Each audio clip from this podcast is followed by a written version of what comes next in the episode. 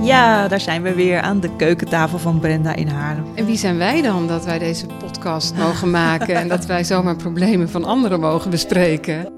Welkom bij de podcast Hallo Liefde. De podcast waarin we vragen over de liefde en het leven beantwoorden.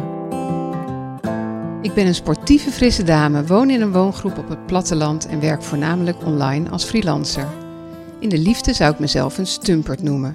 Wauw, wat een mooie brief. Ja, er zit echt zo ontzettend veel in, hè? Ja, alles zit erin. Als ik al een match heb, dan valt deze in het echte leven eigenlijk altijd gruwelijk tegen. Dat is toch dat Disney-model dat er bij ons is ingeramd. Ja, Een hele knappe man begrijp ik hieruit.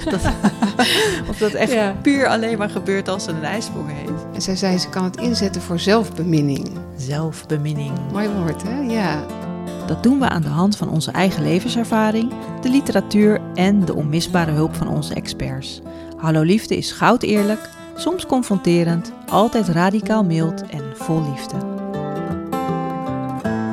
Ik moet heel eerlijk zeggen, de eerste keer dat ik de brief las, moest ik best wel lachen. Want het is, het is zo leuk, filijn opgeschreven. Van jongs af aan zeg ik graag ja als me iets wordt gevraagd.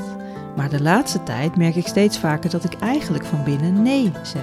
Ik denk dat ik wel heb geleerd in de loop van mijn leven om nee te zeggen.